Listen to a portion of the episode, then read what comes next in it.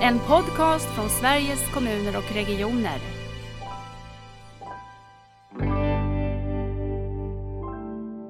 Personal i vården tar liksom patientens, ställa sig i patientens skor. Mm, just det. Och inse, och liksom det här rörelsen fram och tillbaka tror jag är väldigt... Och att det är en skillnad mellan att ha patienten i centrum och ha patientens perspektiv i centrum. Absolut. Det, och det är, På vilket sätt blir det skillnad? Ja, för antingen sätter man patienten, någon brukar beskriva som att man har patienten som en julgran i centrum och så ska man klä den och titta på det från alla håll. Mm. Och då blir man ju ett studieobjekt. Men om man istället sätter patientens behov och perspektiv i centrum och, och patienten själv är en del av de som står runt omkring och försöker lösa och, och adressera de här problemen. Då blir det ett samarbete på ett annat sätt.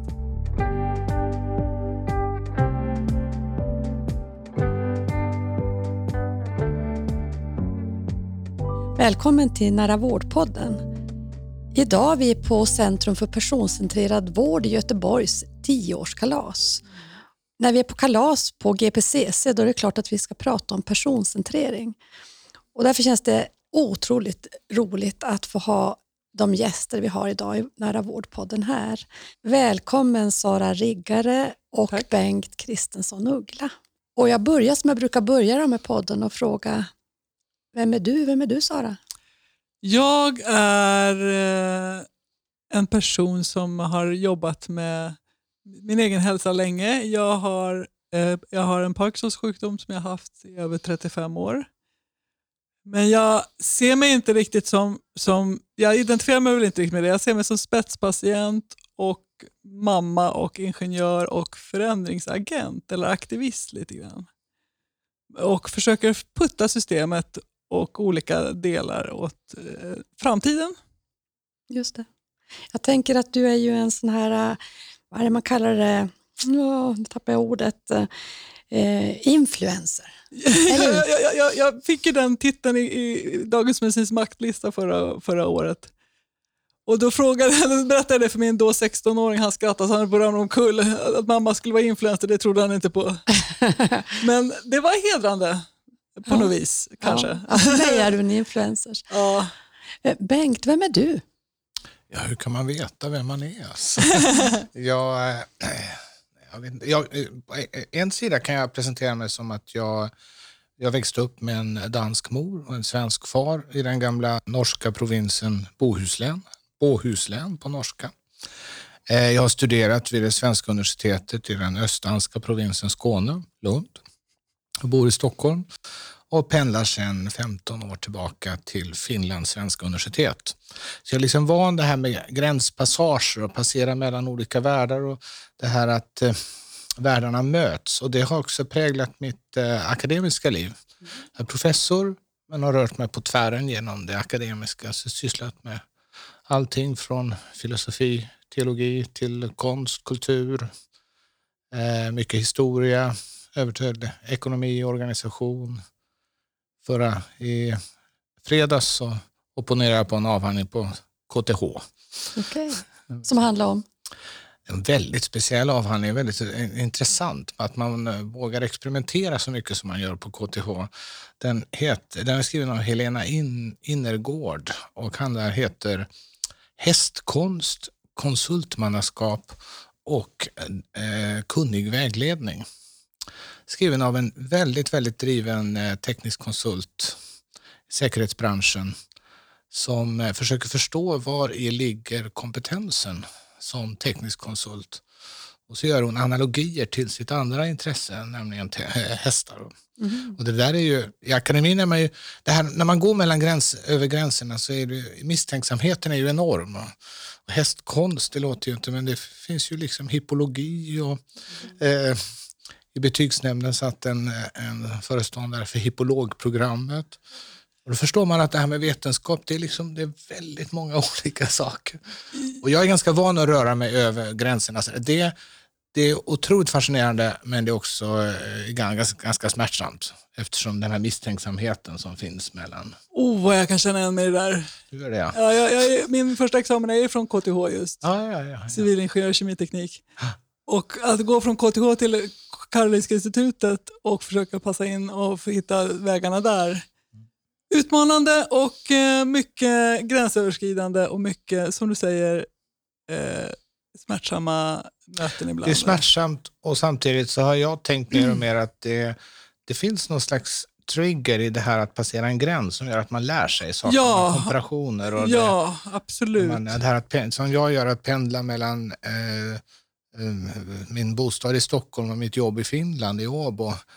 Det är liksom, det, det händer någonting med ens tankevärld. Den här, Man går ju ur och man- saker. ja, Ja, precis, och ja. man, komp- och man komparerar hela tiden. Mm. Och sen det här man tvingas se sig själv lite utifrån. Man möter liksom någonting annorlunda och sen så plötsligt så inser man att det är jag som är annorlunda.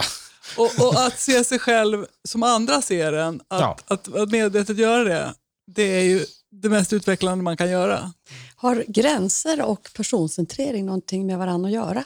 Absolut, tycker jag. Eh, det har ju mycket handlat om att det har varit gränser tydligt mellan vårdprofession och patienter. Och det är väl det att vi försöker lösa upp dem och, och, och göra dem mindre smärtsamma. Är min känsla. Just det. Och det här nödvändigheten av att passera gränser för att också förstå vem man är. Det är ju en, eh, det är en gammal liksom, folklig visdom i folksagorna och så vidare. Och det här bildningsresan, man måste ut och göra den här långa resan för att riktigt landa där man är och förstå vem man är. Och det tror jag, I den meningen så tror jag det har med personcentrering att göra också. Det här att eh, i eh, vården att man har en förmåga att gå över i det andras perspektiv. Och liksom, som, tempel, som personal i vården ta liksom patientens, ställa sig i patientens skor. Mm, just det. Och inse, och liksom det här rörelsen fram och tillbaka tror jag är väldigt... Och att det är en skillnad mellan att ha patienten i centrum och ha patientens perspektiv i centrum. Absolut. Det, och det är, På vilket sätt blir det skillnad? Ja, för antingen sätter man patienten, någon brukar beskriva som att man har patienten som en julgran i centrum och så ska Mm. man klä den och titta på det från alla håll. Mm. Och då blir man ju ett studieobjekt. Men om man istället sätter patientens behov och perspektiv i centrum och, och patienten själv är en del av de som står runt omkring och försöker lösa och, och adressera de här problemen. Just det. Då blir det ett samarbete på ett annat sätt. Och det, det, det, är en- det är en skillnad som jag tror inte alla riktigt har tänkt på och förstår. Och det, har, för det Ja, tangerar ju också skillnaden mellan personcentrering och patientcentrering. Absolut. Som man oftast eh, liksom blandar ihop som om det vore samma sak. Att- För jag tror patientcentrering är ju egentligen inte eh, annat än att man har ett brukarperspektiv eller ett kundperspektiv helt enkelt. Man liksom, från andra hållet. Och det är bra Mm. och det är viktigt att ha så vidare. Men det finns liksom ingenting av att man tar på allvar att det här är en människa av kött och blod Nej. med livshistoria eller liksom i patientrollen i sig själv så att säga. Och det är väl Ja. den gränsen vi vill eh, passera. Ja, precis. Och, också, och också att erövra att den här... Det är inget fel att vara patient, för det är ju först när vi är patienter som vi... Vi blir ju patienter Ja, i men vården. Eh, men att vi måste liksom erövra och förstå att den här patienten också är en person. Jag har ju lärt, tänker jag mig av dig Sara, mycket eh, det som handlar om att leva då med en kronisk sjukdom som du gör, eh, gör ju att om, eftersom så många fler av oss eh, i Sverige lever med en kronisk sjukdom idag, så måste vi också fundera på vad är vårdens roll Mm. i, i livet för den som har en kronisk sjukdom. Och, och du sa ju så himla starkt på ett, eh, en konferens jag var att jag vill leva i världen, inte i vården. Ja. Men kan inte du berätta lite grann om ditt eh, första möte när du förstod, när du fick veta vad du, att du hade Parkinsons sjukdom? Ja, det var ju inte det första mötet. Det var en rätt lång resa där. Mitt, min första möte med en neurolog var faktiskt den 9 juni 1987. Då var jag 16 år och jag hade blivit ditskickad av en eh, skolläkare på gymnasiet där jag gick. Och jag visste ju att något var fel, för jag visste ju att min kropp inte fungerade som den skulle, men det var inget jag ville kännas vid riktigt. Du pratade om det här att man går i ur också, studerar kroppen och inifrån och utifrån som Tranströmer brukade. Och det kände jag mig väldigt väl i, i din föreläsning nyss. Men, så jag visste ju att något var fel, men den neurologen sa till mig att det är inget fel på dig, det du upplever är helt psykosomatiskt. Samtidigt som han skrev något annat i journalen, men det visste jag ju inte då, det visste jag först 20 år senare när jag började ut min journal.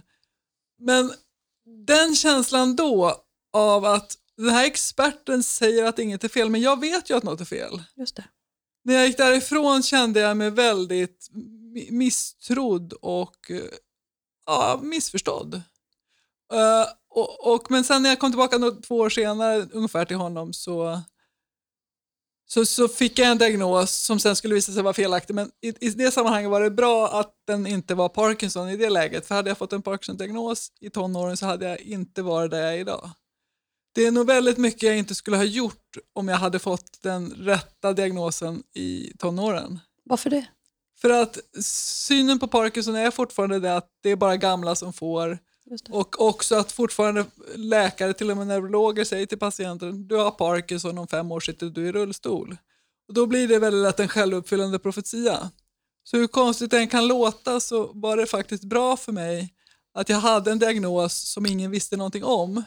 Även om det var jobbigt då för att jag kunde inte svara på frågor för det fanns ingen information. Jag gick till biblioteket och slog i böcker då på 80-talet. Och det var en mycket mer jobbig process att ta reda på saker. Men hade jag då istället haft rätt diagnos, det vill säga Parkinson, då så hade, jag, hade det blivit en självuppfyllande profetia. Jag tror inte jag hade tagit min examen som civilingenjör och labbat i, på labb om jag hade vetat att jag inte borde kunna det. Jag hade förmodligen inte kanske tagit körkort, jag hade förmodligen kanske inte startat familj. Och eftersom jag inte visste att jag inte borde kunna göra de här sakerna så gjorde jag dem ändå. Och då när jag fick rätt diagnos när jag var 32 år och min nu 17-åring var några månader gammal så visste jag att jag kunde göra dem så då kunde jag ju fortsätta göra dem. Just det.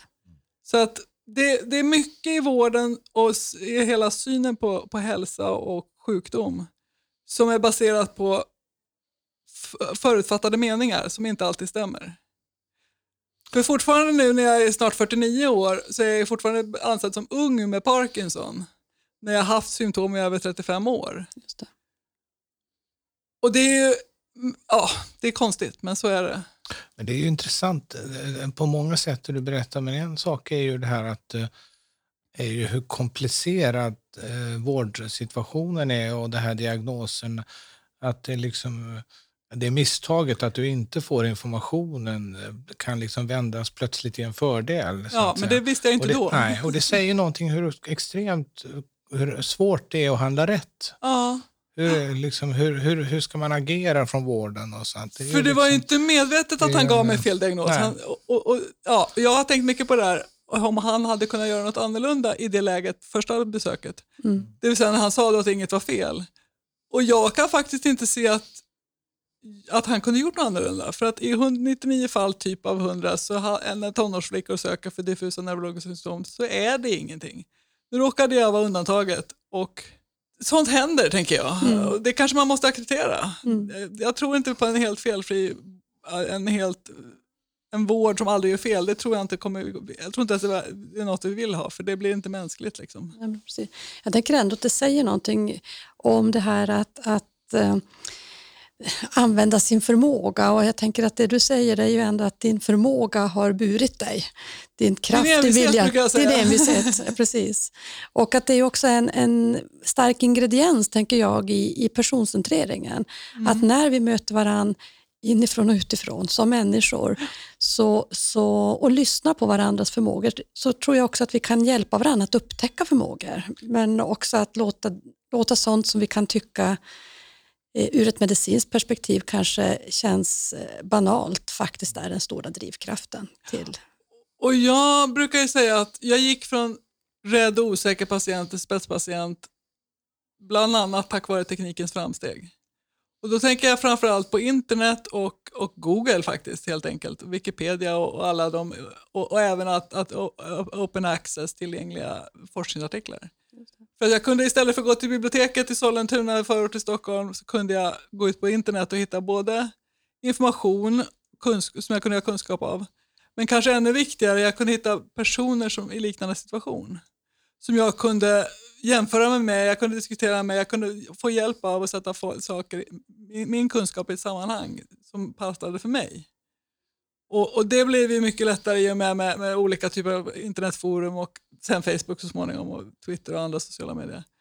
Som jag har haft väldigt mycket glädje av genom åren och fortfarande har. Jag tycker att ett, eh, vi ska komma tillbaka, tror jag, ännu mer om vad personcentrering är, men när du är inne på det här med kunskap så tänker jag att både du Bengt och du Sara har på olika sätt eh, lyft det här med, med kunskap, kunskapssyn, kunskapens på något sätt rörelse, eh, som jag tycker är väldigt intressant när man tänker på det skifte vi är nu. För jag ser ändå att vi är ett skifte mot en nära personcentrerad vård.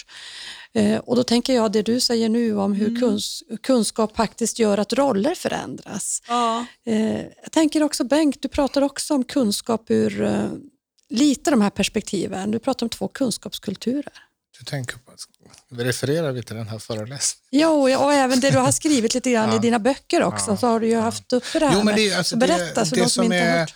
alltså det, det som ser ut som ett universitet i meningen att allting hänger ihop enhetligt eh, rymmer ju väldigt många olika slags vetenskaper. Det var det vi pratade om i början egentligen. Det här, och väldigt den här den vetenskapliga metoden är ju inte någonting som finns i bestämd form singular. Det finns massa olika metoder man jobbar. Eh, om man ska koka ner det där så är det liksom två stora traditioner som vi, liksom, som vi bär upp våra kunskaps och vår vetenskapssamhälle. Eh, och det ena är den här traditionen någon som- kommer ur den vetenskapliga revolutionen som tar sin utgångspunkt i naturens processer, kausalitet, orsakssamband. Alltså de här, så som naturen fungerar så att säga. Och den andra är, liksom, tar sin utgångspunkt i kulturen och i liksom hur vi tänker och hur det, Eh, och, eh, och de där två kunskapskulturerna de krockar med varandra i hälso och sjukvården. Kanske som våldsammast. Alltså, de, finns ju, de det. tävlar ju hela tiden om, om, eh, om utrymmet. Man kan se- det på universiteten att det är de som jobbar med siffror eller de som jobbar med bokstäver. Mm. De som jobbar med kvantitativa metoder eller kvalitativa metoder. Så är det liksom hela tiden den där. Och inom hälso och sjukvården så krockar det oftast lite stereotypt i liksom relationen mellan medicin som oftast är skolat i en naturalistisk tradition, naturvetenskaplig, och en vårdtradition som försöker ta liksom patientens upplevelsevärld och erfarenhet på allvar.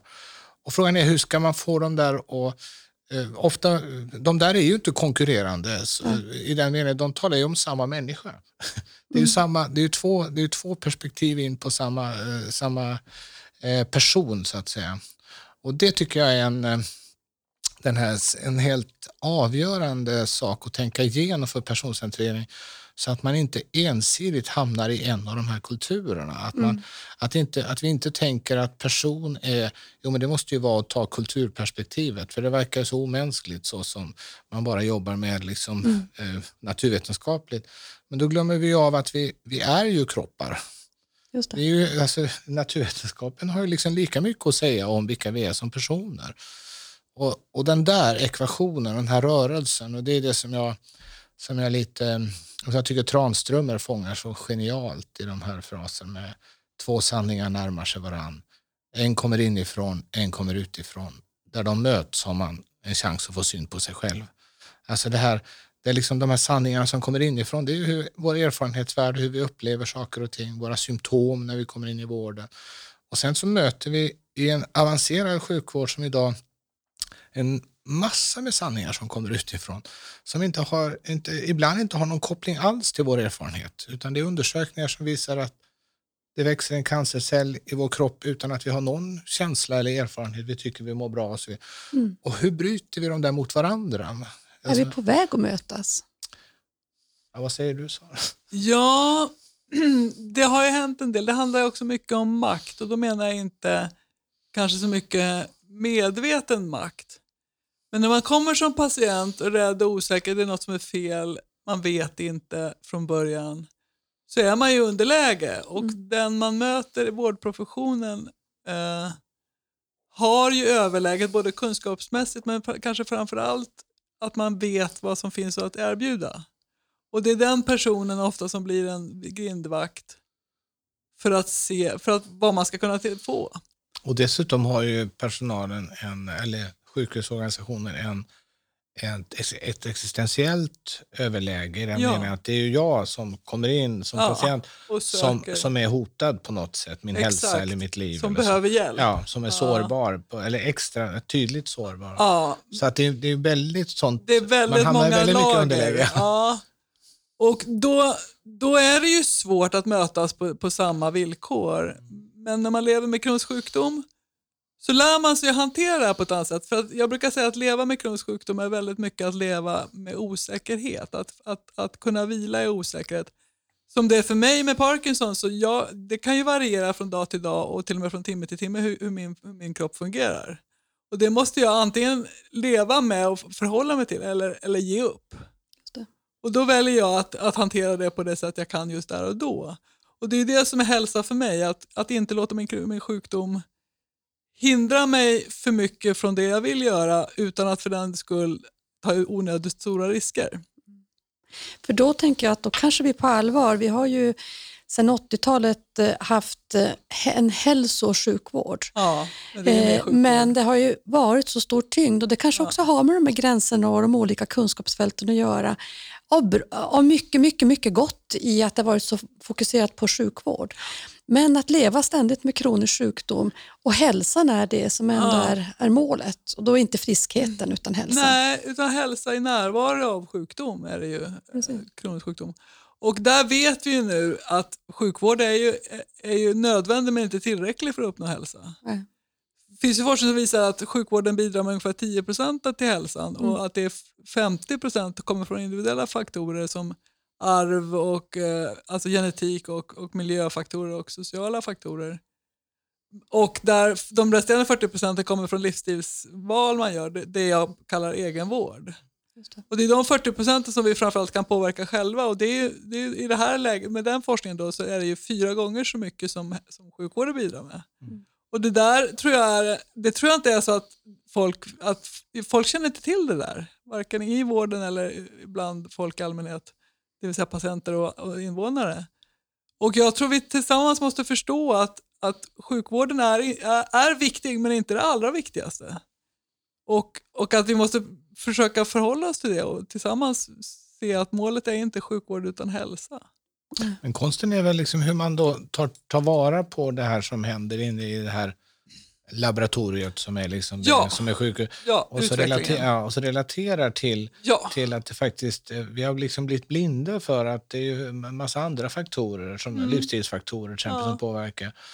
Och det, det är ju sig också väldigt komplicerat, för det är, en, det är ju en möjlighet och samtidigt är ju faran att vi hamnar i en väldigt moraliserande, skuldbeläggande kultur och så vidare. oh ja. Så att, men det, det här sammansatta tycker jag är Ja. intressant. Och som du berättade tidigare, det här din, din enorm fighting spirit. Alltså, eh, jag menar, väldigt mycket av liksom, eh, sjukvården och den medicinska undersökningen skulle ju testa din hälsa utifrån kemiska substanser, hur du mår. Ja, Men, men om du inte hade den här fighting spiriten också så skulle du må väldigt mycket sämre. Och oh du, ja. hälsoläget skulle vara... ja och, Så det, det, och- finns, det finns ett spel här och det där spelet, den här rörligheten, det är ju det komple- Hur kan vi fånga det? Och det är ju liksom? så fascinerande, eller Ja, hur? Det är så ja. spännande. Och, och, och försöka förstå och se alla deras spel. Men sen finns det ju ytterligare en sak det här. Det tänker jag är att vi också har ett gemensamt ansvar för hur vi bäst använder våra gemensamma resurser. Det vill säga Mm. i det här fallet då pengar i, i första hand. Resurser är ju så mycket mer än pengar, men just om vi tänker pengar, det, pengasäcken. Mm. Och, och att vi då har eh, eh, ett ansvar att se till att vi kanske också måste stödja det som, som andra hälsofrämjande saker mer tydligt än, än, än vad vi gör idag. Och jag säger självklart inte att vården ska ha mindre pengar, men vi måste också se till att de andra hälsofrämjande faktorerna och stöd till egenvård tänker jag är något som saknas väldigt mycket i, i, i synen på vad, vad hälso och sjukvården erbjuder. Ja, för jag tänker att mycket av eh, rörelsen mot det vi kallar nära vård eller nära vård och omsorg handlar ju om att egentligen tjänsten, om vi nu tänker vård och omsorg som en tjänst, behöver hitta andra former för att nå oss som behöver den. Ja. Och att vara mer en stödjande eh, part i mitt liv Ja. med de kunskaper och insikter som jag behöver för att kunna göra de bra livsval jag vill göra och använda min fighting spirit Ja, som du pratar, ja. eller som ni, du säger. Du var, du var inne på det tidigare idag, det här också med att eh, för det tror jag är en sån där sak som vi har svårt att ta in, det här med att, att när väggarna och murarna faller, liksom, att, att vi tänker fortfarande så mycket att det är sjukvård, ja det är ett sjukhus. ja. ja. Ja. På samma sätt som vi tidigare har tänkt väldigt mycket att ett företag, ja det är också ett hus. Ja. Men idag, så, företag är ju inte hus längre, utan är ju strimla, utspridda och liksom har väldigt konstiga former och så vidare. Och det, och det, alltså sjukvården ligger, liksom är ju på väg, men är liksom ligger ändå bra, lite efter mycket an, andra institutioner Ja. i samhället. Med att det här att, att det inte behöver vara ett hus och att det, den här typen av, eh, eh, vad heter det när man har vård hemma, vård, nära Ja, vård. Men, Omsorgsboenden. Ja, och hemsjukvård Ja. eller Ja. typ av... Precis. Eh. Och också liksom den, den, den eh, eh, den termen, nära, alltså när, döende patienter. Ja, palliativ. Alltså, palliativ vård i hemmet. Precis. Som är ju liksom en, också mycket humanare och, och antagligen kostnadseffektivare. Och, och många, men våra föreställningar är väldigt stereotypa Precis. om vad... Det tror jag också kommer att, att kan göra att det känns svårt att göra den här omställningen. Därför att vi är vana att tänka på något sätt byggnader, organisationsrutor och tänker om byggnaden ser ut så nu och organisationsrutan så här nu. Men beskriv hur den här byggnaden ser Ja. ut i framtiden då, Nej, organisationen. Det är jättesvårt, man, man kan inte se det. Men jag kan också nämna någonting apropå kunskap som, som jag har sett i min forskning. Jag har gjort en studie och tittat på intervjuer, eller jag har en enkät där personer med Parkinson har fått svara på var de hittar sin sjukdomsspecifika kunskap. Och dels det då att redan i den gruppen som då är till stor del äldre ändå, där två tredjedelar av gruppen är över 65 eh, och gruppen som helhet hittar en tredjedel av personerna ändå sin kunskap framförallt på nätet själva Mm. redan idag. Och i ännu större hög, högre utsträckning då kvinnor och yngre än 65. Men en annan faktor i det här var att jag frågade också, man fick bedöma, de fick bedöma sin egen, hur, hur mycket kunskap de hade om, om de tyckte de hade tillräckligt det de behövde. Och så fick de också svara på om de var nöjda med den tid de fick hos neurologen plus att de fick svara på hur lång tid de var där. För jag ville veta hur pass eh, representativ min, den här prickbilden är för folk med Parkinson. Det visade sig att 68 procent hade då en timme eller kortare med sin neurolog per år. Så var, den är ganska representativ. Men det viktigaste så tycker jag som kom fram var att de som hade en högre nivå av kunskap, så de var också mer nöjda med tiden de fick hos neurologen oavsett hur kort eller lång den tiden är. Så kunskap i sig har en behandlingseffekt på sätt och vis. Just det. Samtidigt är ju den här googlande patienten, det är ju också en, det är en enorm möjlighet att Det är-. Och samtidigt en enorm utmaning eftersom Mm. det inte finns några kvalitetssäkringar eller liksom sådana på nätet. Utan alla talar ju på samma nivå. Jag har varit inblandad lite i ett vaccinationsprojekt i Finland. ja, ja. Man tittar, det- alltså hela problemet med att det som faktiskt händer mycket är ju att folk är ute och googlar på vaccination och det kan vara någon som fabulerar på sin, liksom, vid köksbordet. Den rösten framstår liksom på samma nivå som en forskare som har ägnat liksom 40 år åt evidensbaserad forskning. ja. Och, alltså, även om man inte liksom börjar värdera utan det, liksom, det bara blir så där. Att, ja, det är ju två röster och, Ja. eh, och så uppstår det en morad. Miss, eh, miss, det är ju Absolut. svårigheten att hantera den här Och nu, kunskapen. nu rör vi oss lite in mot spetspatientbegreppet här Jo, ju såklart. Och- Berätta om spetspatientbegreppet. Ja, det har bäddat för dig. Ja, tack för det, den upplägget. P3-övergång. Jo, spetspatienter är, är ju, eh, har ju börjat som ett projekt eh, och det var ett ord som jag hittade på eh, i februari 2016 kom, kom det till mig. Och det kommer sig av, eh, inspirationen kommer från något som heter lead users som används inom teknik och design ofta för att beskriva personer som innoverar på sina egna behov. Och då var det inte, absolut inte inom hälsosammanhang. Det, började, det kan vara folk som till exempel byggde om sina cyklar för att de skulle hålla bättre när de cyklade på bergs, bergsstigar. Och det gav upphov sen till mountainbike-rörelsen, en mångmiljardindustri. Och, och det är ett exempel på en lead user och det finns många andra sådana exempel. Men så kände jag att det fanns en, jag jag såg att det fanns mycket gemensamma drag mellan det, de, den typen av eh, personer och det som perso- pa, patienter och närstående gör för, att- för att hantera och navigera hälsoutmaningar. Och då började jag fundera på vad heter då lead user på svenska? Och då heter det spetsanvändare. Och då bytte jag ut användare mot patient och så föddes det här ordet spetspatient. Som också blev ett av språkrådets nyord, nyord 2017. Väldigt roligt. Och vi, vi har haft ett projekt som har pågått fram till årsskiftet nu. Men jag skulle säga att det har gått från att vara ett projekt till att, vara, till att bli en, rörelse. Som har bli, fått lite eget liv, vilket är väldigt roligt. Men som du påpekar Bengt så är det ju också så att all, alla gör ju inte rätt. Alla, alla använder ju inte rätt tankesätt i det här. Det finns ju en del problem i det här. Det har bland annat tittat på forskning som visar, om man tittar, tänker sig två dimensioner, man tänker sig dimensionen hälsolitteracitet, kunskap, och så dimensionen förmåga eller självförtroende. Och de två, om man tänker sig dem på två axlar. Så om man har låg eh, kunskap och låg förmåga självförtroende så är man ju, då behöver man ju mycket stöd och hjälp. Om man har hög kunskap och hög förmåga så är man ju då, där är man spetspatient, då klarar man sig ganska bra själv. Då kan man ses som en en, en kapabel och, och eh, och som, en egenvårdare som klarar sig själv. Sen har man de här två grupperna som är kvar då, de som har hög, hög kunskap men låg förmåga, de vågar kanske inte göra så mycket som de borde göra. De kanske är onödigt hjälpbehövande men, och det kan ju vara så att det är lite, kanske behövs lite extra stöd där. Men de som är problematiska som du, som du beskriver där Bengt, det är de som har då hög förmåga men låg kunskap. Det det, den gruppen hittar vi antivaxxers och andra pseudovetenskapstroende. Och där, där har vi problemet, men, men det är ingen som riktigt vet hur stora de här grupperna är.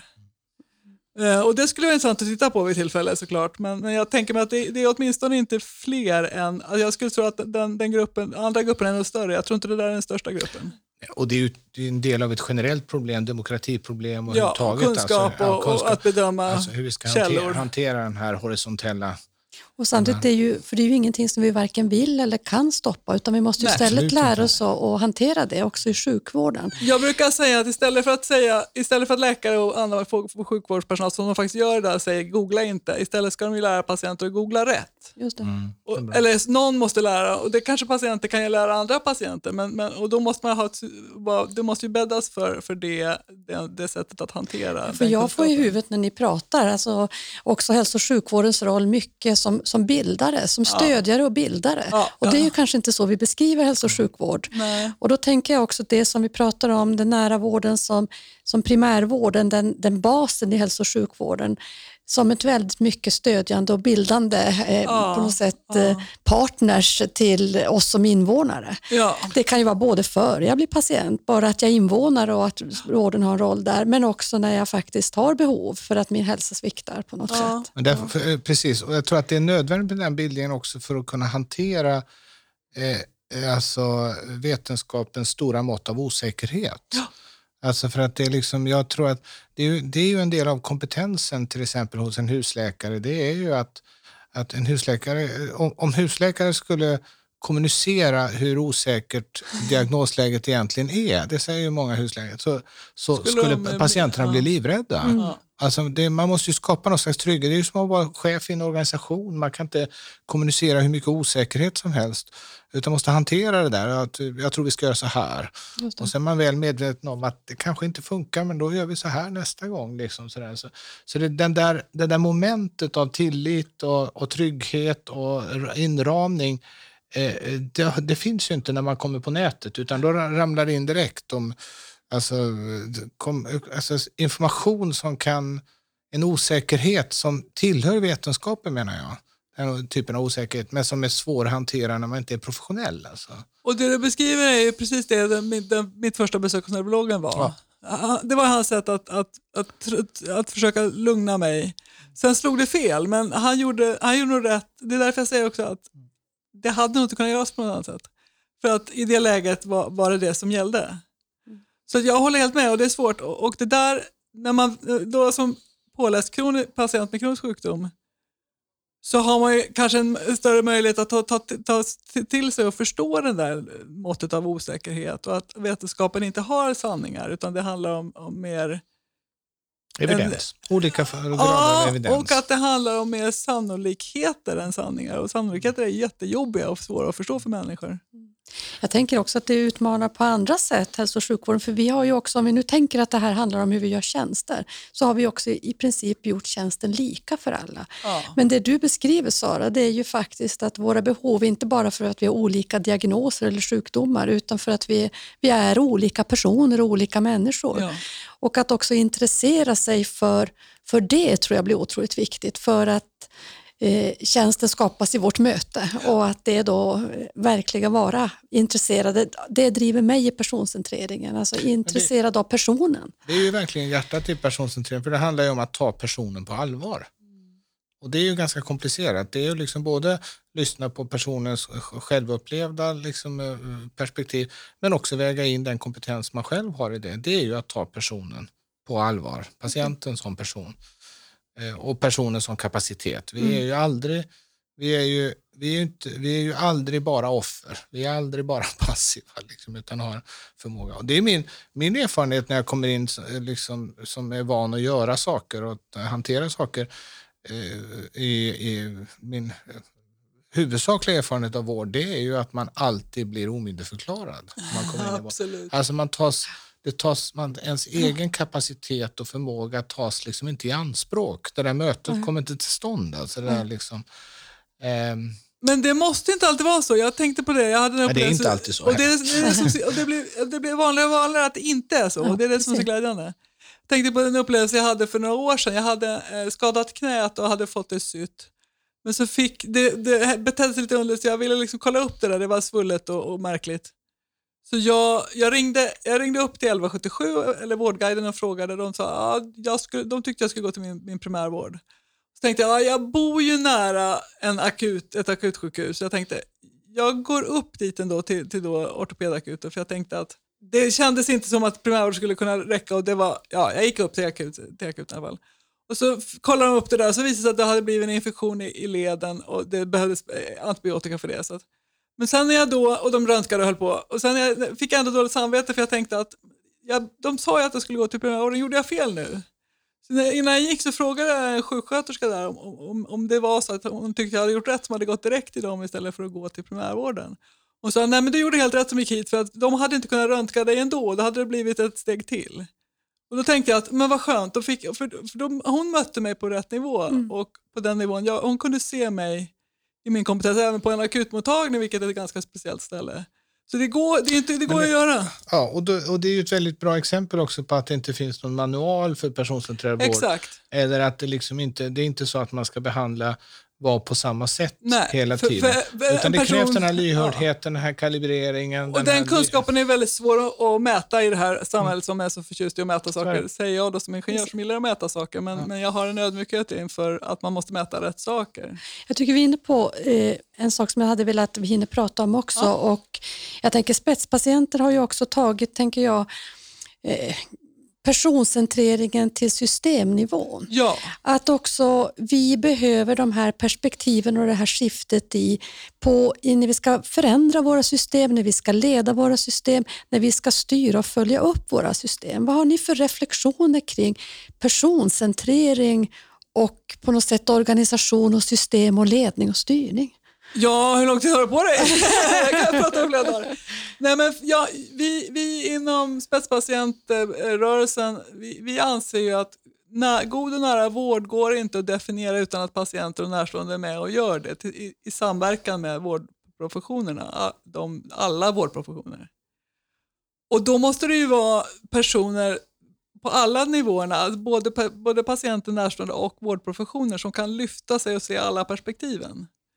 Och vi ser nu, när vi pratar om spetspatienter så har vi förtydligat det lite och nu ser vi det, de, de vi pratar om som spetspatienter, det är personer som både kan agera i sin egen vårdmöte och sin egen situation men också agerar på, olika, på andra nivåer utöver sitt eget vårdmöte. Och det kan ju vara på, på, i, i sin egen vårdmottagning att man hjälper till att se till om, det kan ju vara en sån sak som att vilken färg ska man ha på soffan, det kan ju vara en viktig sak, eller hur ska vi göra med, med förslagslådan? Men det kan ju också vara därifrån till nationell nivå och sitta i olika råd och, och, och försöka hjälpa till eller hjälpa forskare eller företag eller myndigheter. Men man måste ju ha personer som förstår den nivå de ska agera på och förstår hur det hänger ihop. Och det är inte så enkelt för alla att, sätta sig in i det från, från, från scratch. Där måste man liksom ha en, hjälpa folk att, att, att, få, att sätta sig in i den nivå där man ska agera. Så att, och det, det, går, det, måste vi, det har vi ett gemensamt ansvar för där också, tänker jag, som samhälle. Att, att, att se till att vi har de rätta eh, verktygen för, för att göra det vi behöver göra tillsammans. För på, då bygger vi på riktigt ett, ett Ja. välfärdssystem på något sätt på invånarna Tillsammans, tillsammans. ja, ja. Vad tänker du? Reflektera kring det, Bengt. Nej, men jag tycker det är viktigt att man inte jämför personcentrerad vård med andra begrepp som florerar samtidigt eh, eh, som är organisationsbegrepp och som kommer från managementvärlden. Inte för att det skulle vara fel med organisation och management, men för att alltså, personcentrerad vård rör sig på en annan nivå eller en annan dimension. Personcentrerad vård har, har sitt hjärta i en etik. Men den etiken, den är inte liksom någon värld vid sidan om organisationer. Men den har, den, och det ligger redan i formuleringen av etiken att den liksom via att den ska säga, inkorporerar också ett juridiskt perspektiv, därmed också ett systemperspektiv och institutionellt perspektiv. Alltså, eh, strävan efter det goda livet, det är ju liksom den egna kapaciteten. Det är jättesvårt att skriva lagar för det. Ja, precis. Och det är jättesvårt att säga vad är det goda livet. För dig. Hur, ja, precis. hur, precis. hur har man en bra sommar? Eh, det finns ingen manual för det, utan det måste man leva faktiskt en bra sommar. Eh, eh, och, eh, så att strävan efter det goda livet med och för andra, det här dialogiska och det här mötet som sker mellan två personer eller en mindre grupp som är liksom jag och du med varandra. Men sen också i rättvisa institutioner. Att vi behöver liksom institutioner, både liksom juridiska, tekniska, ekonomiska. Alltså hälso och sjukvården kan ju inte fungera utan rättvis distribution av resurser.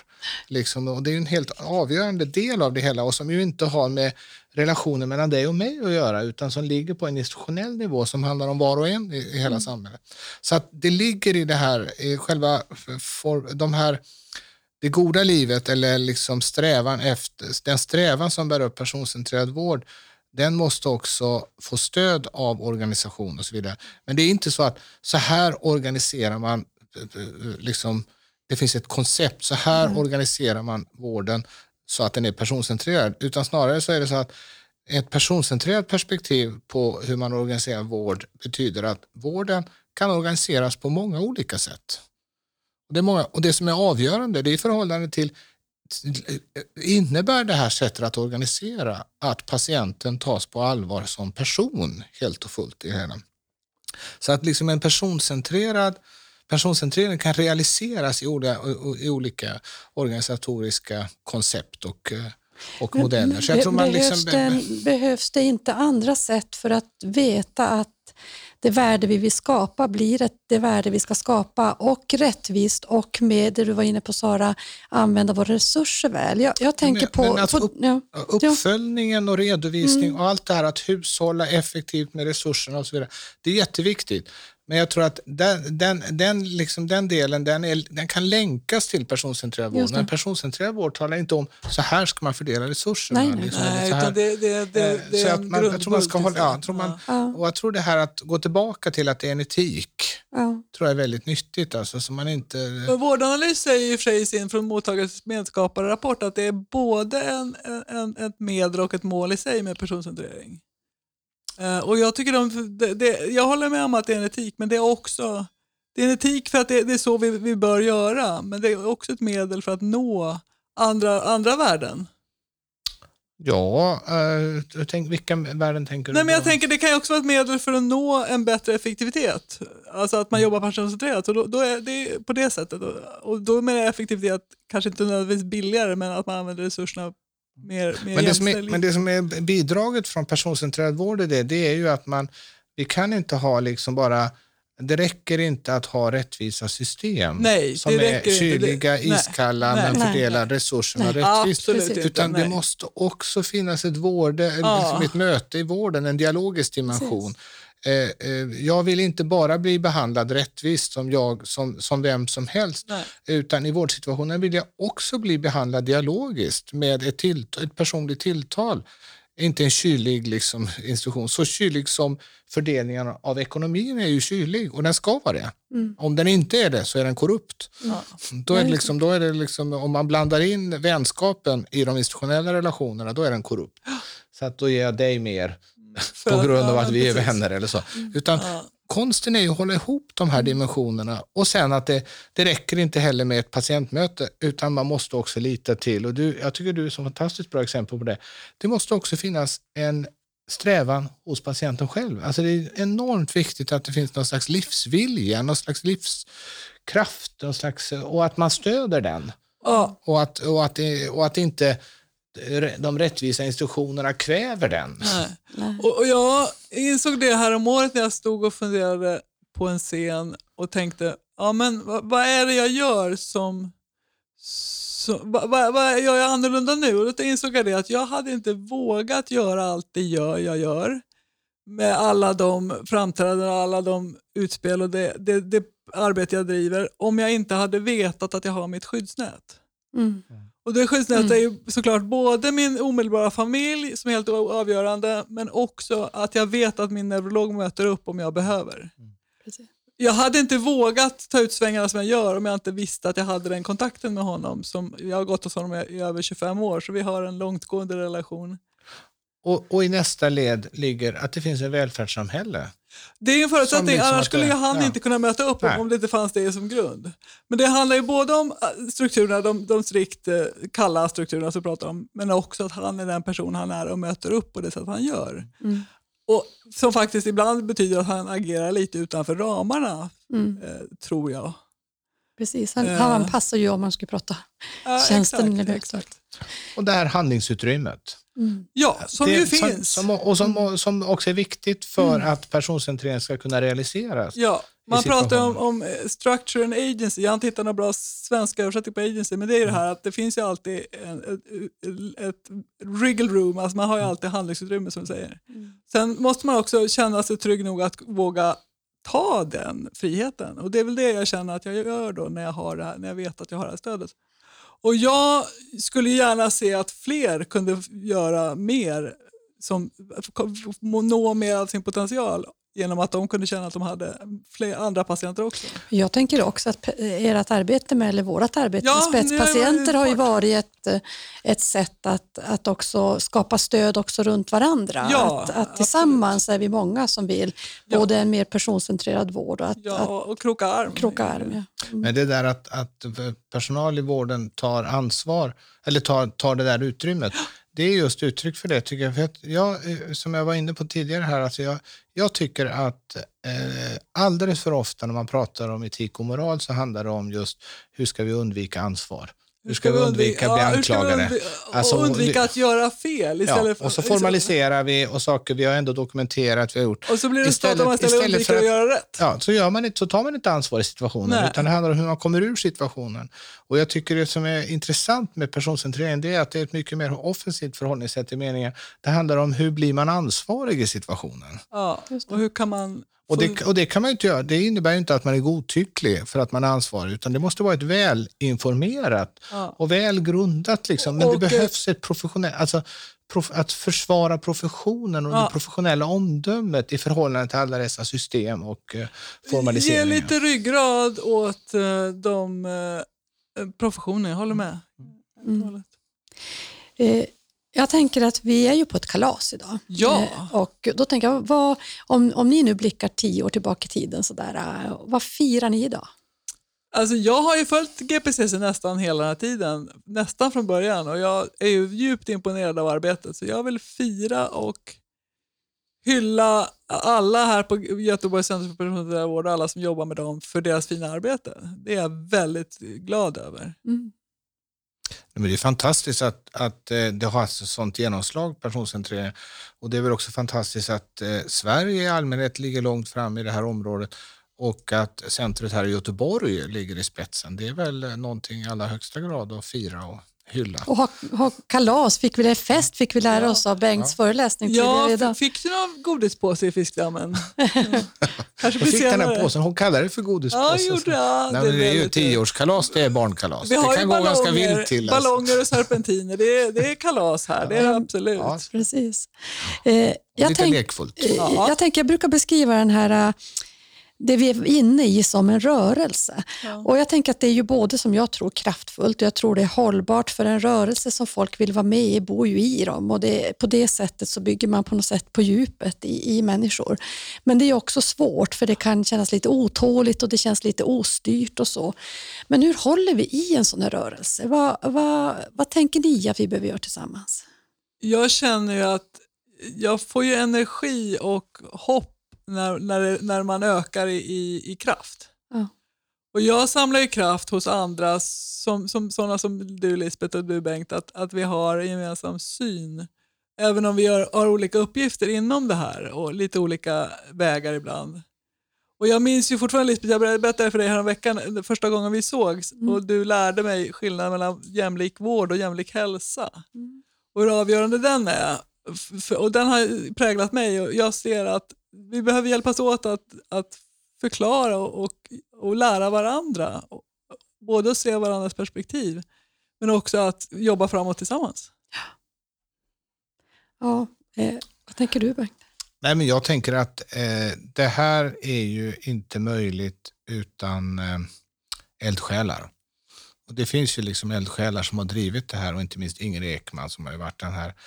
Eh, och det tror jag man, man måste, och det finns en fara tror jag när det eh, som ju inte betyder att, det, eh, att man ska undvika det, men det finns en fara när det går in på en slags större systemnivå, och implementering, att att man förkväver den här kraften som finns i det hela. Man måste ta vara, ge utrymme åt de här kraften som finns hos, hos människor. För i slutändan så handlar det här om, tror jag, kreativa, kloka, entusiaster, passionerade människor som driver det här. Så att, eh, eh, ledarskap tror jag är helt eh, avgörande i det här, vad som händer i fortsättningen. Att man, eh, och ledarskap handlar inte om att kontrollera allting, men att på något sätt hålla kursen i, i i den här utvecklingen. Jag, tror, jag, tror, jag, jag älskar ett uttryck som jag använder ofta, som är, som är ett, man leker med ord, som är att det är endast genom att dela världen som vi kan dela världen med varandra. Alltså det här att det är endast genom att göra distinktioner, göra liksom, dela upp, som vi kan få världen att hänga ihop. Det är som en organisation. Folk, I många organisationer som man har ångest för att man ska inte dela upp, utan vi ska jobba tillsammans. Men om alla i en stor organisation är en del av samma enhet så det blir inget gjort, utan man måste dela upp. Man måste dela upp på ett sätt så att, inte, så att man inte klyver eller balkaniserar, utan dela upp på ett smart sätt och, och ett klokt ledarskap så att det hänger ihop. Mm. Eh, och det tror jag att det är många som gör olika saker. Det är liksom spetspatienter, det är liksom mm. implementeringen på GPCC, det är massa liksom entreprenörer som är ute och jobbar med det. Men att, att man liksom, att, det ligger också i något slags gemensamt ansvar att man, den här delningen måste ske på ett sätt så att, så att det hänger ihop fortfarande. Så att det blir en delad värld. Så det inte blir för skarp gräns. Vi börjar med gräns. Och precis. Får, eh, är det någonting som ni tänker... Och revir. Va? Och remir, precis. Revir, ja. Och olika kulturer, det var ju de som skulle mötas. Eh, är det något vi har inte har pratat om som vi faktiskt bör prata om Det har varit ett fantastiskt samtal. Jag vet inte riktigt vad jag ska mycket att tänka på. Jag tycker ja. det var härligt. Jag tror, det finns mycket mer att prata om, jag tror, inte, jag tror vi kan ta det en annan gång. Precis. Inget som jag kommer på precis nu som, som jag vill ha sagt mer. Nej. Nej. Nej, men det tycker jag är hela... Liksom, det, det ligger i, som en självklarhet i det här att det är tioårskalas då förväntar man sig att det är en lång framtid framåt. Eller hur? Just det, det... det, är liksom, det är nyfikenhet och början, det är liksom en eh, sprudlande, det är en väldig skillnad mot ett 70-årskalas. 10-årskalaset har en annan... Eh, eh, det är inte fel att fylla 70, men det, det blir kvar från 10. Det är någonting annat. Ja, ja. Jag ska sluta med eh, någonting som jag brukar be alla gäster att reflektera kring och det är, vad är närhet för er?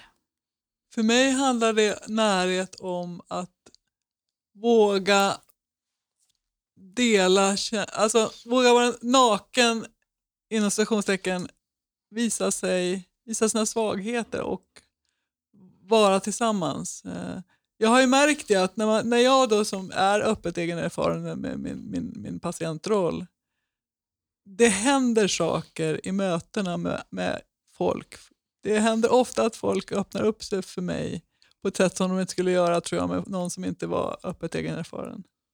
Så det är närhet till mig, att, att våga visa sig sårbar. Utan att säga mot någonting, utan addera perspektiv till det Sara säger, så skulle jag säga att jag tror att närhet eh, också behöver vara ett lite rörligare begrepp. Alltså närhet, det finns också en mörk sida på närhet som har med att, att man kan känna sig instängd eh, ett bristande integritet och så vidare. Och det, det intressanta med närhet är ju att det, närheten ofta kan spela väldigt fint med distanseringen, med avståndet.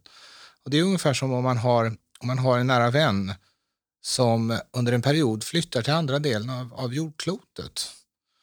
Och plötsligt den kommunikation som tidigare skrev man ju brev, men nu skriver man mejl. Den kommunikation som uppstår på avstånd kan plötsligt bli mycket närmare än den som var när man var hemma båda två. så att säga.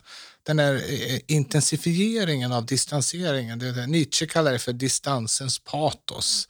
Att det händer någonting. Att det, finns en, det, kan, det finns, om man liksom hanterar det klokt, så det finns en liksom möjlig närhet och en ännu närmare närhet i distansen också. Alltså, så att det här spelet mellan, att, mellan närhet och, och distans, hur, tror jag, tror jag är nödvändigt. Och det är ju det som eh, jag tycker det var så fint idag Lisbeth, att du så mycket pratar om det här med rörelsen, rörligheten. Och tror man måste, all, de här begreppen och de här måste förbli rörliga. Och Det tror jag är helt avgörande för personcentrering, att de liksom inte stelnar och blir definitioner och mm. färdiga. så att säga. Ja, jag säger som dig Sara, tack för ett fantastiskt samtal. Tack. tack.